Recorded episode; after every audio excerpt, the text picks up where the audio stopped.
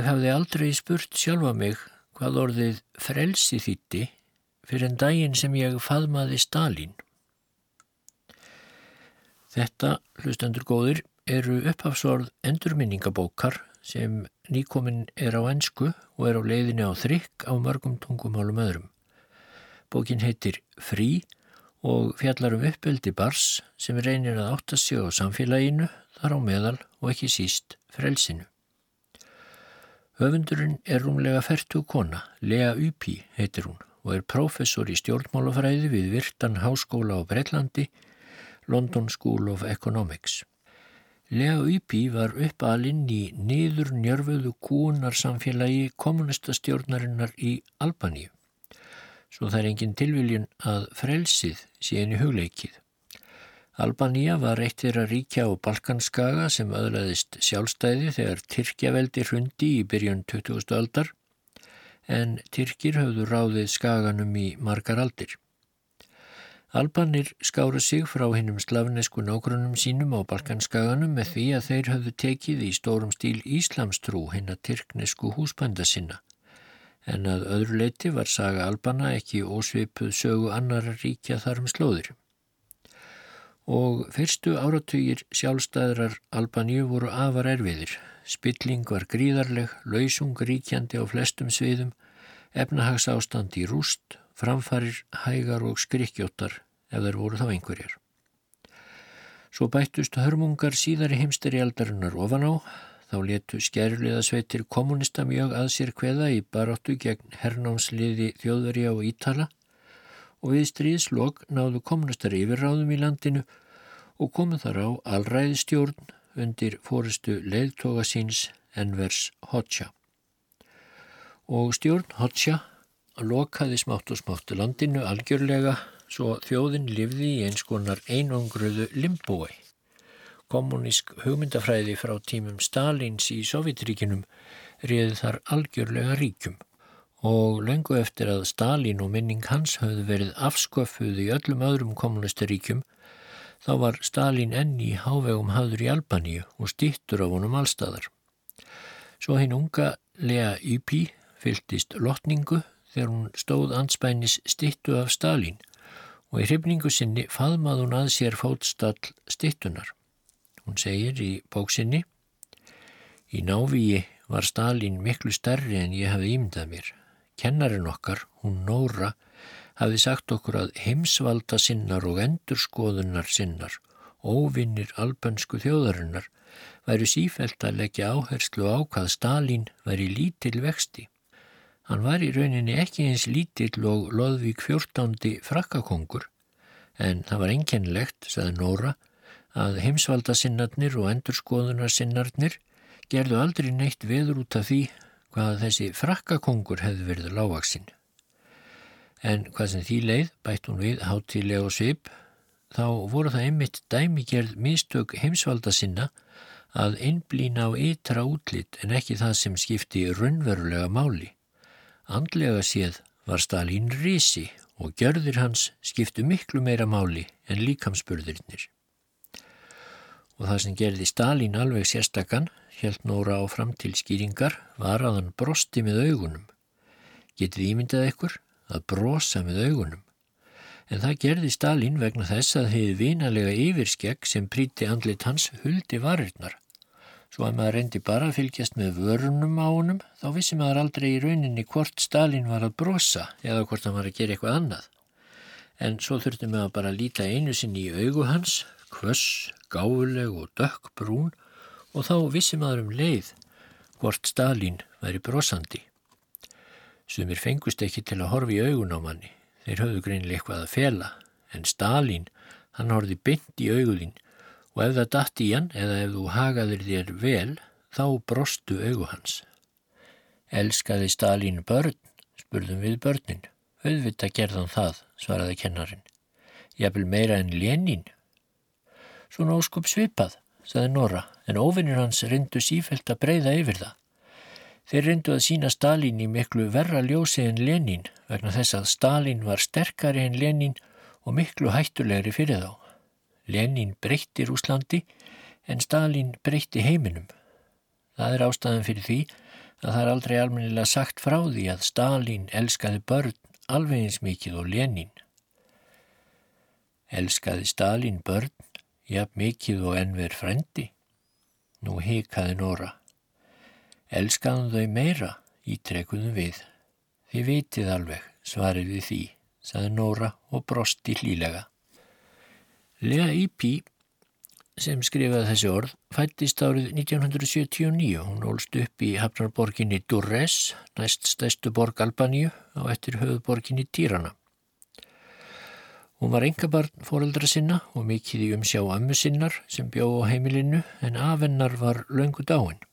Úpi held að þau væri í alla staði venjulegt fólk en það var uppeldi hennar óskup venjulegt með að við Albaníu en í fortíð fjölskyldunar var þó lindarmál vandlega gemt sem hún komst ekki að fyrir en eftir að harðstjórn kommunista var hrunin. Fram að því lifði fjölskyldan sínu lífi og stóði þeirri sælu trú að lífið er þið alltaf eins. Albanía var í sæluríki undir stjórn hins mikla leðtoga en vers frænda en þó lifði líka í fólkinu yðandi forvitni um umheimin sem þau vissu svo lítið um og fengi ekkert að vita um nema í hæstalagi þeir sem náðu útsendingum ítalska sjónvarsfsins á sábu og óperum eins og dænasti. Og sjómenn og vöruflutningabilstjórar komu stundum með forbóðin varning frá útlöndum.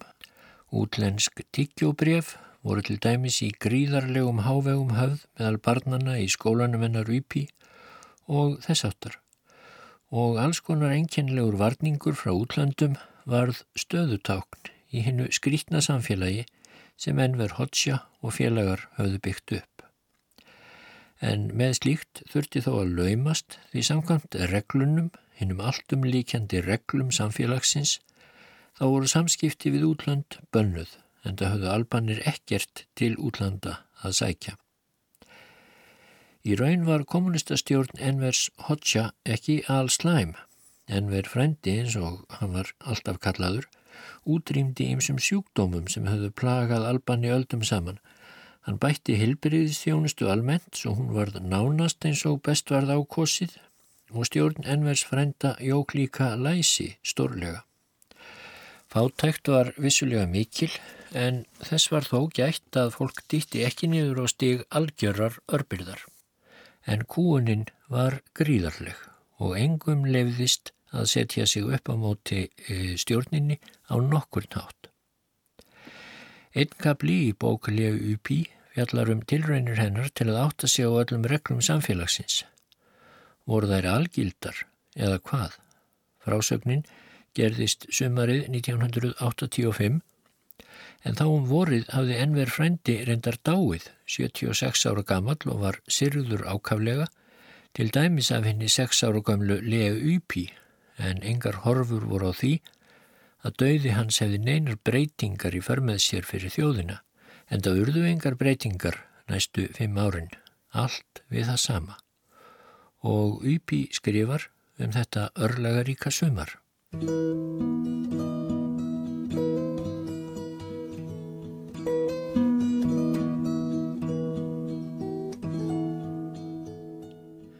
Fjölskylda mín félst á að sumarreglur væri ekki alveg eins mikilvægar og aðrar og að sum lofvorð getu fallið úr gildi með tímanum. Að þessu leiti skáruðu sig ekkert frá aðru fólki eða samfélaginu eða vil bara ríkinu sjálfu. Hluti af vandanum við að vaksa áru grasi í Albaníu var að komast að því hvaða reglur urðu úreldar með árunum hvaða reglur létu undan síga gagvart öðrum mikilvægari skildum og hvaða reglur voru óumbreytanlegar alla tíð. Lítum til dæmis á matarinnkaup. Það var alltaf byðröð. Byðröðin var byrjuð að myndast áður en vörubílin með varningin kom. Maður átti alltaf að fara í byðröðina hér nema búðarmadurinn væri vinurumanns.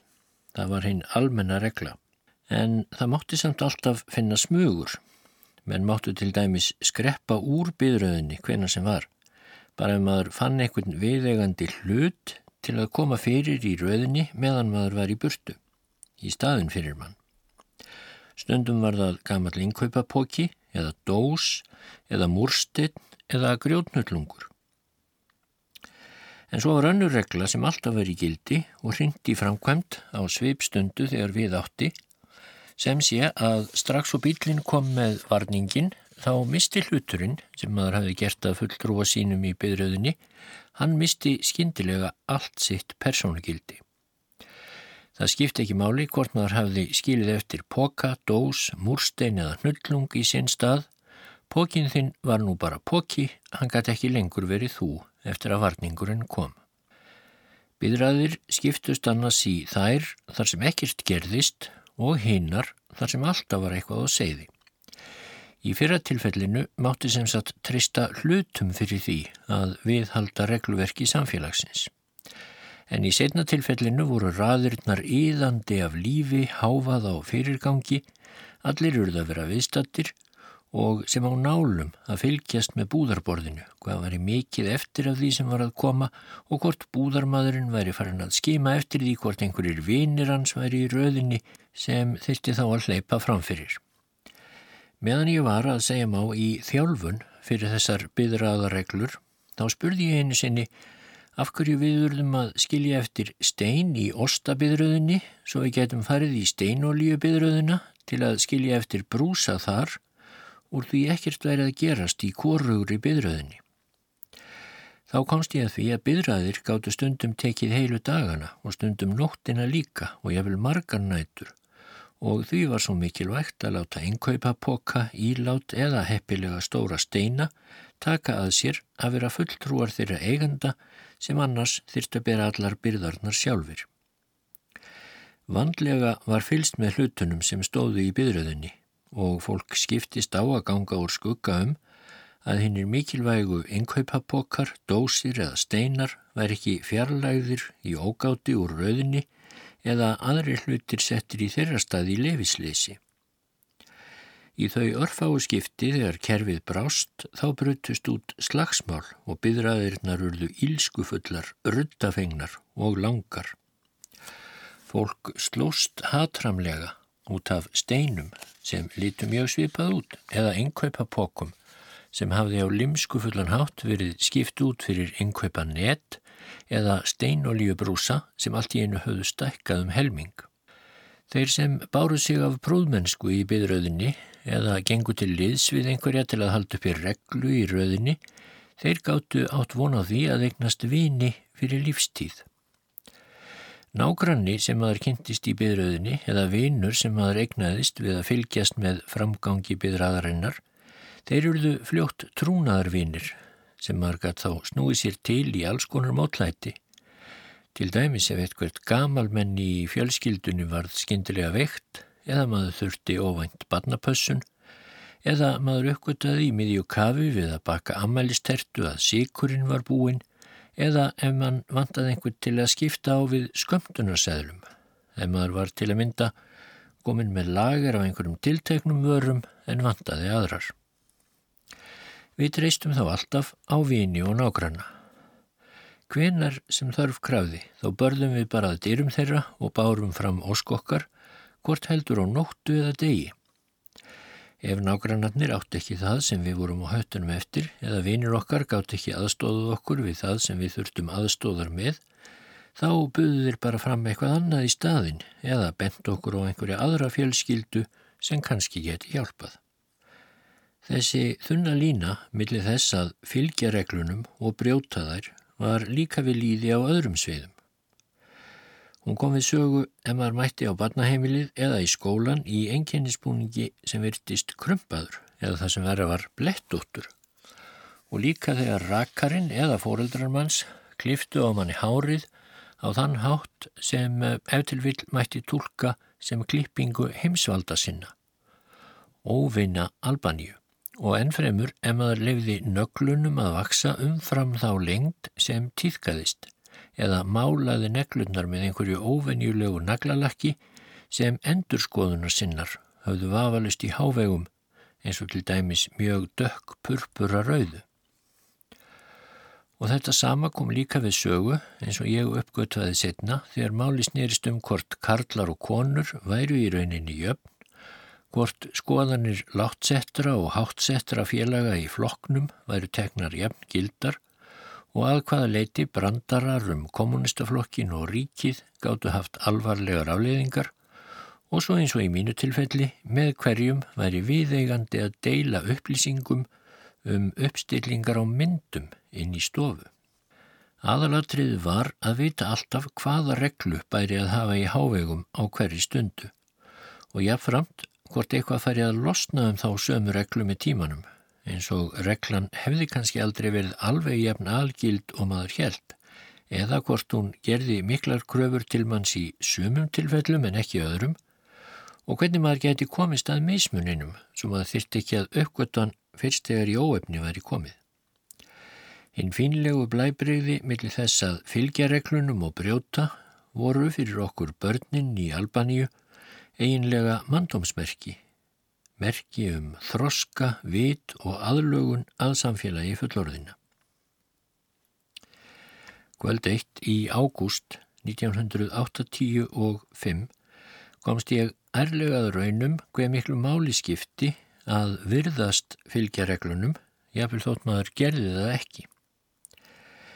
Þannig var mál með vexti að nokkru eftir að hinn mikli leittói enver frendi dó, þá hafði ég nauðað í fóreldrum mínum að fá að heimsækja gröf hans. En þau virtust undarlega áhuga lausum það og slóu úr og í. Einu sinni sögðust þau hefa ætlað að fara með mig að skoða gröfina en hefði ekki getað vakið mig í morgunsárið sem ég sá í hendi mér að vara augljós líi. Sannleikurinn var sá, ásakaði ég þau beisklega að þeim var sama. Þau höfðu engan áhuga á að heimsækja gröf ennvers frenda. Nýja heldur að hafa ljósmynd af honum í stofunni. Ég hafði nefnilega beðið miljón sinnum um að fá mynd af ennver frenda setta upp í stofunni okkar. Allir vinnir mínir voru með mynd af ennver frenda á bókahillu í stofunni og Besa vinkona mín var meira að segja með stóra mynd af henni sjálfri þar sem hún sati í kjöldu ennvers frenda á síðasta flokkstingi kommunistaflokksins. En þá hafði hún fært honum vönd af rauðum rósum og farið með kvæði um flokkin. Ég hafði aldrei fengið að fara á flokksting og við áttum enga mynd af ennver frenda. Fóreldra mínir reyndu að róa mig. Vissulega elskuðu þau flokkin og ennver frenda, jafn mikið og ég, sögðu þau. Eina ástæðin fyrir því að það vantaði enþá myndahúnum í stofun okkar, hún var svo að þau voru að býða eftir því að fá stækkaða mynd af ennver frenda og þau eruðu líka að útvega sér alminlegan og viðegandi ramma utanum myndina, bætti móður mín við og það var það sérsmíða hann. Þeir venjulegu trerammar sem fengust út í búð voru ekki verðugir en verð frenda. Við erum að vinna í þessu, saði fadir minn með þunga. Þetta átti að vera óvænt amaliskjöf. Ég hristi höfuðið. Þið gerði það sko ekki fyrir ammælið mitt, saði ég og þurkaði tárin úr augunum. Ég veit það, þið gleymið því bara. Þið elskið ekki ennver frenda. Þið saknið hans greinileg ekki neitt nú þegar hann er dáin. Því ef þið söknuðu hans þá mynduðu þið strax setja upp litla mynd af honum og þeir mynduðu svo líka kaupa stóra. Fóreldrar mínir litu hvort á annað með uggi brjósti. Þá tók Níni amma mín af skarið. Ég skal segja þér lindarmál, sagði hún. Ég hef hitt enver frenda. Ég hitt hann fyrir mörgum árum þegar afiðin og ég vorum ennþá ung. Þeir voru vinir afiðinn og enver frendi. Hvernig gæti ég annað en elskaðan fyrst við vorum vinir? Hún lofaði að setna mynd hún sína mér bref sem höfðu farið á millið þeirra. En, bætt hún við, þú verður að lofa mér svolítlu í staðin að þú segir aldrei framar, hvorki við okkur, nefið nokkur lifandi mann, að við elskum ekki eða söknum ekki envers frenda ætlar það lofa því. Og ég komst að því setna að þetta lofvorðum að opimbera aldrei áhuga leysi þeirra um að hafa uppi við ljósmynd af leðtógunum mikla, það lofvorð varð að halda. Það var mikilvægara en öll önnur lofvorð. Þetta uppgötveði ég þann dag þegar ég hekk mest allan daginn upp í fíkjutré í gardi papafjölskyldunar. Papahjónin voru næstu nágrannar okkar. Þau voru á miðjum sjötugsaldri og börnin þeirra voru farin að heiman þegar ég fættist. Móður mín hafði vingast við Dóniku Papa þegar þær bundust samtökum gegn konu sem þær töldu að hefði ætlað að bóla þeim úr steinolíuröðinni. Eins og móður mín var Donika tortrykinn í garð fólks og hún var ekkit sérstaklega vingjartleg við fyrstu kynni. Hún var lágvaksinn og nöttótt, reyfst heilmikið við nágrannana og hafði ílt orð á sér meðal barnana í hverfinu, þótt hún væri óskup vingjartleg við mig. Áður hún fór á eftirlaun hafði Donika unnið á posthúsi. Mihail, maður hennar, var aftur móti mikilsvirtur embættismadur flokksins og skartaði þykku yfirskeggi svo hann svipaði dálitið til Stalins. Mihail hafði barist í stríðinu, orðið mörgum óvinnum að bana og fengið meira en tug af metaljum sem mér fannst meira gaman að leika mér að heldur hann honum að monta sig af. En hann sagði þó oft sögur úr stríðinu. Ég var heitluð af sögu sem hann sagði mér um nazista Hermann sem hann hafði drepið. Þetta var maður ljós yfirlitum sem hétt Hans og Mihail hafi bóða honum vatn til að skóla blóðið úr munninum á honum meðan hann tók sín síðustu andvörp. En Hans vildi ekkert vatn og helt áfram að tuldra Hæl Hitler í staðin. Ég spurði Mihail hvernig hann hefði drepið Hans en hann vildi þá frekar tala um það sem hann myndi best og lengst um þennan þjóðverja örmjótt yfirskekkið sem var samt valla meira en híungur. Yfirskekkið á mér var valla meira en híungur heldur, bætti Mihail við og mér fannst undarlegt að hann skildi lýsa hans næstum eins og honum þætti væntumann, eins og hans væri löngu tíndur vinur sem hann hefði deilt með ljúfum minningum, en ekki hatursfullur óvinnur sem hann hefði drepið með eigin höndum. Papahjónin lánaði okkur oft peninga. Þau lítu eftir mér þegar foreldrar mínir og amma fóru eitthvað og þau höfðu líkilað húsin okkar. Mörgum sumarkvöldum eitti ég í gardinum þeirra. Hámaði mig vinnber af runnum þeirra og fekk svo hjá þeim kvöldmatt og Mihail gaf mér oft dreyt til af raki og let mig stökku á ofan af borðinu þeirra með skæruliða húfuna hans á höfðinu. Það var stórkostlegt útsýni yfir sjóin frá húsinu þeirra og í gardinum óks að risastort fíkjutré sem bar indislega ávexti. Mihail saði mér að ef maður klifraði efst upp í tréð geti maður bæði séð sólarlægið og talið bátana og skipin sem voru á sveimi inn og út úr höfninni. En ég vissi af frænguminni einni sem hafði dottið ofan úr tréð þegar hún var lítil og dáið svo ég þorði aldrei að fara mjög hátt upp í treð. Þanga til dagan okkur nýlokk ágúst 1985 að ég mannaði mig upp í að klöngrast allra efst í treð. En það var ekki til að horfa á sólarlægið eða telja bátana í höfninni sem ég lagði þetta á mig. Það var í mótmælaskinni. Allan síðari hluta sumars höfðu fóreldrar mínir og pappahjónin ekki talast við. Um miðjan júni hafðu móður mín og Donika lendi í stælu sem þróaðist út í magnaður yfir ildi sem allir hlutu að taka þátt í og þegar uppfarstaðið var ég svo eina úr fjölskyldunni sem pappahjónin letu svo lítið að yrða á. Ástæðan fyrir missætti móður minnar og Doniku snerist um Coca-Cola dós. Dagun okkur um miðjan júni keifti móður mín tóma Coca-Cola dós af öðrum kennara við skólan þar sem hún kendi.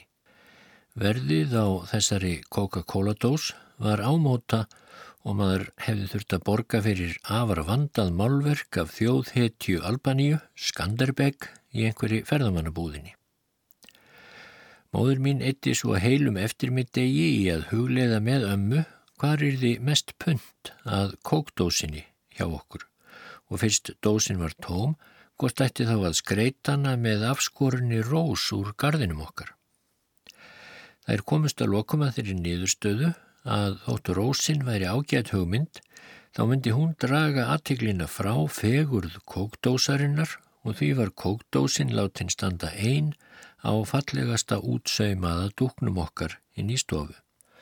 En nokkrum dögum setna kvarf kókdósin okkar. Síðan var það ekki betur séð en hún byrtist aftur og var ná sjónvarpi papahjónana. Papahjónin höfðu aðgangað húsin okkar. Þau vissu um gamla frakkan hans afa en í vösum hans voru allir okkar peningar geimdir og þau höfðu hjálpað okkur að fá leifi flokksins til að byggja húsið okkar upp á eigin spýtur. Ég hafði á tilfinningunni að papahjónin vissu ansi margt um æfiferil okkar en ég spurði þau aldrei hvað þau vissu því ég skildi satt að sé ekki alveg hvað orðið æfiferil þýtti og vildi ekki verða mér til skammar með því að spyrja að því. Mihail sem enn var starfandi í floknum þar í hverfinu hjálpaði alltaf fóröldurum mínum að finna út úr framkvæmdamálum og varði hlut þeirra bæði á flokksfundum og í hverfisráðinu. Það var skilda fyrir alla að taka þátt í hverfisráðsins en bara sömur fengu að ganga í kommunistaflokkin og þá þeir einir sem bjöku svo vel að eiga góðan æfiferil. Fóreldur mínum var ekki leift að ganga í flokkin, en Mikael var gammal hermaður og álit hans var í hávegum haft þegar þurft að ákveða hverjir fengu aðgang að flokknum. Hann kom einu sinni í vekk fyrir að nágranna kona okkar að nafni Vera fengið að ganga í flokkin af því hún hafi gefið í skín að fóreldrar mínir væru endurskoðunar sinnar sem reyndu að koma sér hjá því að þrýfa götturnar á sunnudögum. Götuþrif á sunnudögum áttu að heita að vera valfrjáls en í rauninni voru þau eitt dæmið um hvernig orðin þýttu oft þver öfugt við það sem þau virtust þýða. Í þessu tilfelli þýtti orðið valfrjáls í rauninni skilda. Þegar fóraldra mínir voru ný í hverfinu hafðu þau átti í basli með að skilja fyrirmæli og leiðbenningar á réttan hátt en það var hinn rétta merking orðana alls ekki samkvæmt orðana hljóðan, en þau voru fljóta að læra. Og fjölskylda mín og pappa fjölskyldan hafðu sem sagt haft margt saman að selta. Við þrýfum saman göturnar á sunnudögum og hjálpuðum í saminningu öðrum nágrunum okkar þegar þurft að skipilegja brúðkaup eða jarðarfur. Brúðkaup voru vanalega haldinn heima í görðum hjá fólki og mörg hundruð manns var bóðið. Allir hjálpuðu stað við að búa til mat, bera bekki og stóla úr næstu skólabyggingu og hrópla upp palli þar sem hljómsveit lék svo létt lög langt fram á nótt. Við og pappahjónin bárum saman bekkinu og sátum hlið við hlið við matin og hátíðahöldin. Börnin vöktu alla nóttina, sungu og dansuðu og þegar hátíðahöldin náðu hápunti sínum þá umkringdu gestirinnir allir brúðina og veifuðu hundrað leka seðli og sliktu svo peningaseðlin og klíndunum á enni brúðarinnar eins og síður var.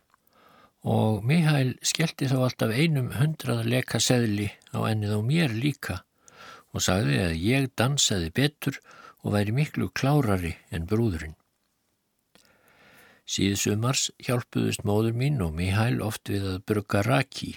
Þau voru oft heilu dagan að brugga meðan vinnberinn gerjuðust og áfengið seittlaði úr flöskustútum og þau prófuðu marg oft hver stert eða veikt rakið var og þá spjalluðu þau um gömlu dagana. Einu sinni heyrði ég að móður mín var að tala um höfnina í heimabæi okkar og hvernig þar hafði verið umhorfs á fjórða áratögnum og þá sagði hún við Mihail að stæstu bátarnir sem fjölskylda hennar átti væru enþá notaðir til að flytja út varning til annar randa. Ég botnaði ekkert í þessu, höfðum við átt heilan flota af bátum og setna spurði ég Mihail hvað hún hefði verið að meina.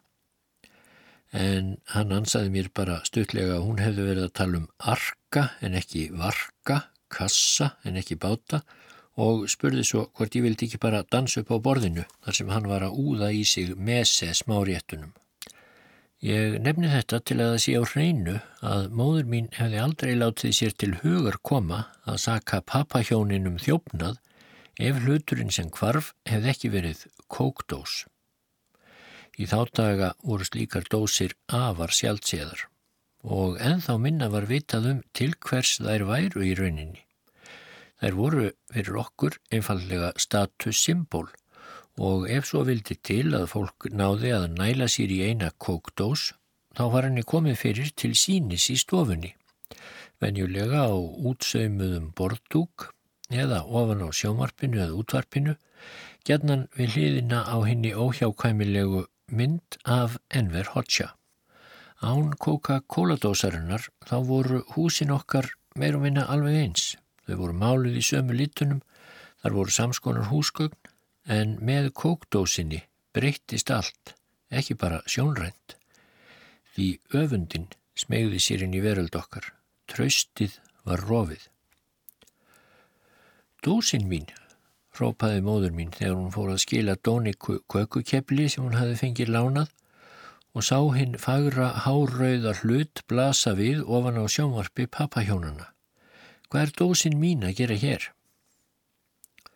Dónika pýrði augun eins og hún segi ekki vísi fingur móður minnar sem hún ótaði að dósinni eða vildi ekki trúa því sem hún varð nú vitni að. Ég á þessa dós, saði Dónika loks stolt í bræði. Ég kift hana nýlega. Ég kift hana nýlega, endurómaði móður mín og sjá hvar hún er núna lend. Ertu að halda því fram að ég hafi stólið kókdósinni minni, spurði Dónika kvössum rómi. Ég er að halda því fram, saði móður mín, að dósin þín sé rauninni dósin mín. Þennan dag rifust hún og Dónika sem aldrei fyrr um kókdósina. Rifrildið hófst fyrir framann sjámarpið en helt svo áfram út á göttunni og þær heldu svívirðingum hvort yfir aðra og veifuðu kökukeplum og fólk horfið þrjumulostið á þetta. Dónika grenjaði að móður minni að hún væri ekkert annað en borgarakettling, klætt eins og kennari og móður mín rópaði á móti að Dónika væri bara bænda tuðra klætt í postmannabúning.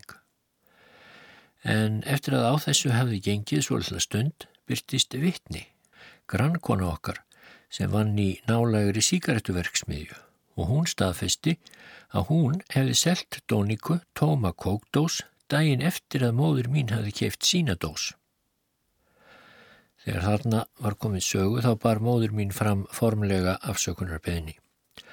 Dónika og Mikael voru hins vegar orðin svo móðguð að þau neituð að taka við afsökunarbeðninni.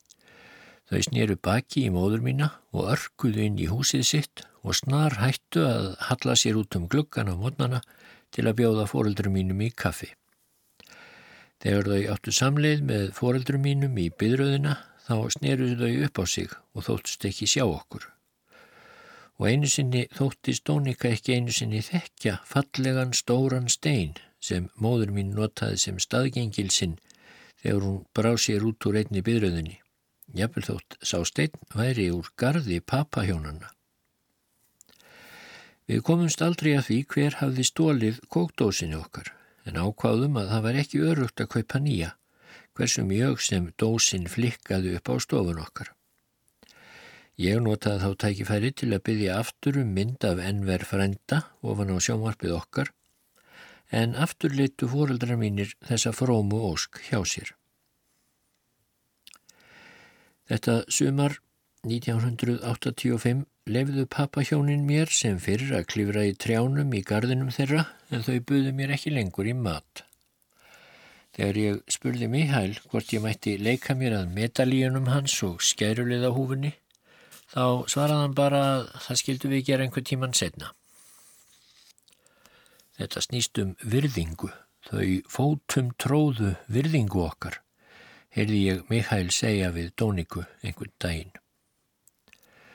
Mér fór að gruna að pappahjónin væri í rauninni ekki í fílu út af ásökunum fóreldra minna, út af kókdósinni í sjálfu sér, heldur byggi eitthvað dýpra og mikilvægara að baki, eitthvað sem fóreldrar mínir getu aldrei bætt fyrir eða endur nýjað. Ég var harmilostinn Mér fannst alltaf því óbærilegt að sjá Dóniku ganga þegjandi fram hjá móður minni í ostabyrðunni og ég saknaði þess ákaflega að heyran ekki kalla á móður mína í morgunkaffi með sinni hásu mjóu postmannarödd Dala, dala, kafa, kafa. Fóreldra mínir voru líka harmilosnir út af þessu en vissi ekki hvað þau gáttu fleira gert til að byggjast afsökunar.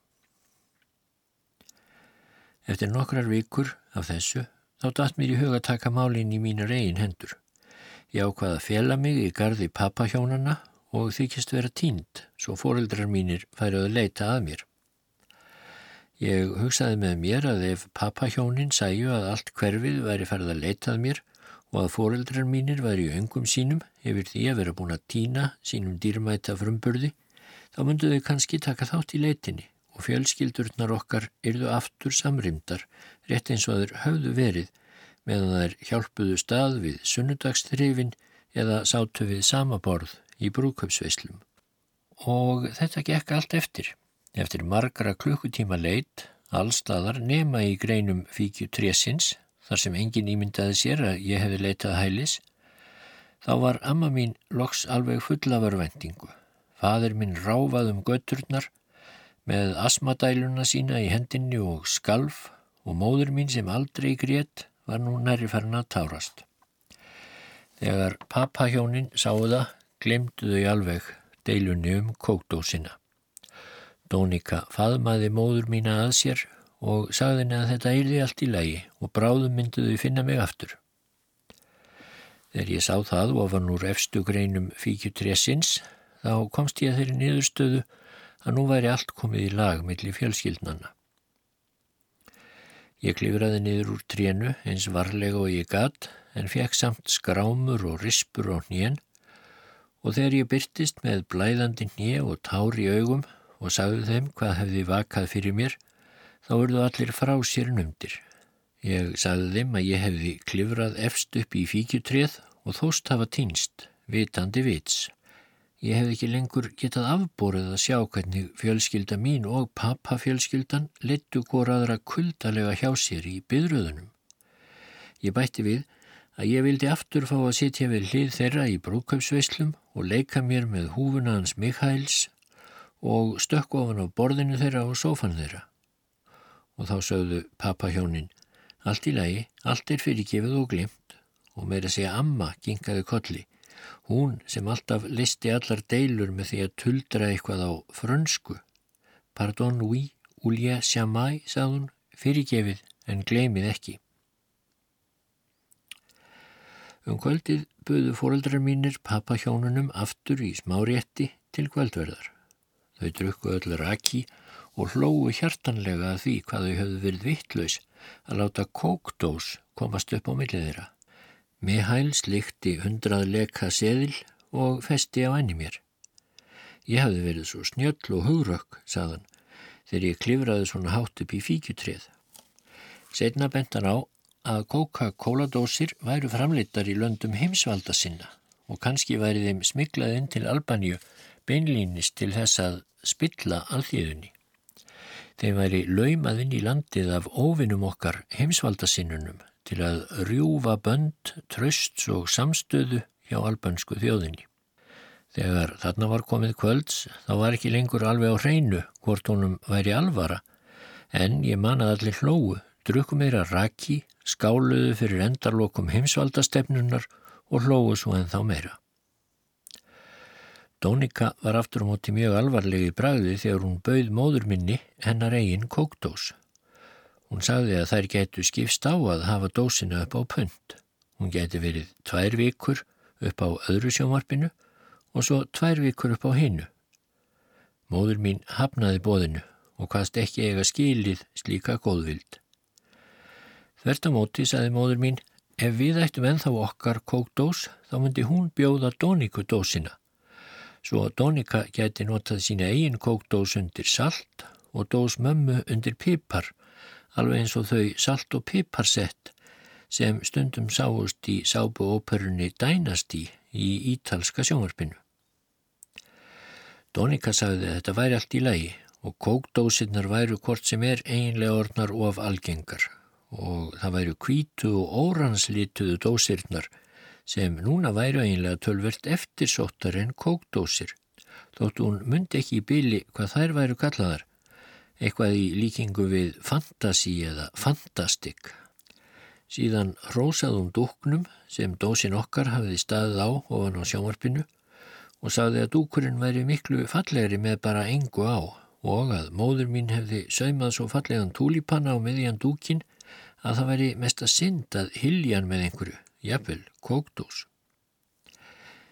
Við ætluðum að hafa mynd af ennver frenda á þessum dúk, lagði ég gladlega til málana inn í fjasið í fullortna fólkinu en svo vilja þau ekki neitt með ennver frænda hafa.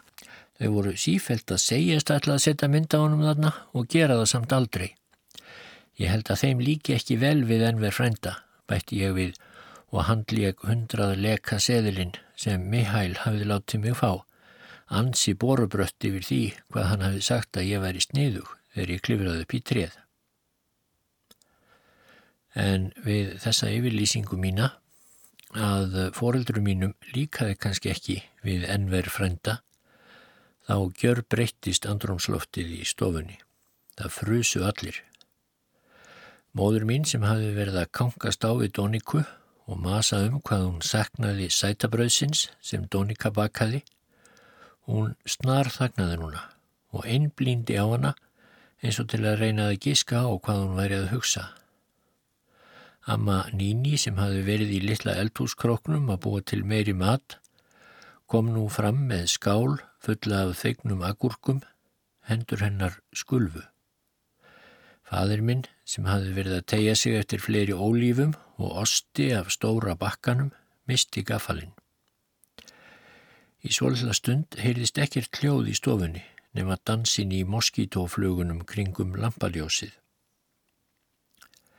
Mihail gretti sig, svo snýr hann sér að mér og var afar alvarlegur, jáfnvel strangur á sveip.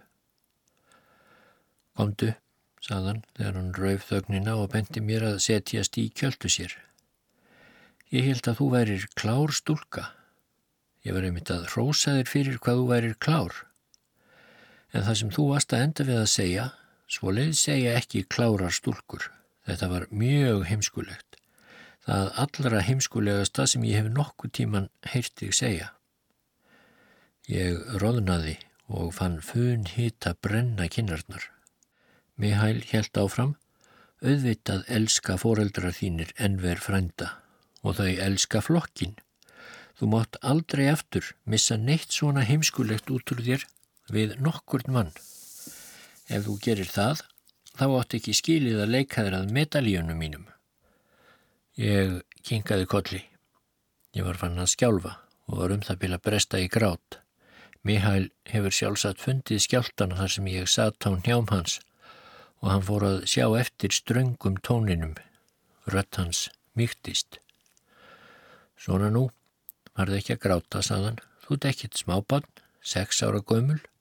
Þú ert hugraugstúlka Þú mynd vissulega berjast fyrir föðurlandið og fyrir flokkin þegar þú verður fullorðin. Fóreldra þínir gera stundum mistök eins og í sambandi við kókdósina en þau eru gott og vinnusamt fólk og þau hafa alveg þig vel upp. Sjálf auksu þau úr grasi undir sósialismannum og þau elska flokkin, vertu viss og líka en verð frenda. Skilur þú, mátt aldrei framar segja neitt í þeim dúr sem þú sagðir áðan. Ég gingaði aftur kolli, aðrir í stofunni þauðu. Svona nú, sagði Mihail, drekkum aðra skál. Skál fyrir framtíðinni án tókstreitu vegna Coca-Cola. Hann greip glasið sitt en áður hann sög pá þá greip hann fram í fyrir sjálfum sér eins og einhverju mjög mikilvægu hefði skindilega skotið nýður í hugans og eh, hann hallaði sér að mér og kvíslaði svo að enginn heyrði. Þú verður að lofa mér því að ef þú færð einhver tíman aftur svona fáránlegar grillur um fjölskyldu þína að þau elski ekki en verð frænda þá kemur þú og segir mér frá því mér og engum öðrum og hann dró augaði pung ekki einu sinni og alls ekki Dóniku Frængu skilur það?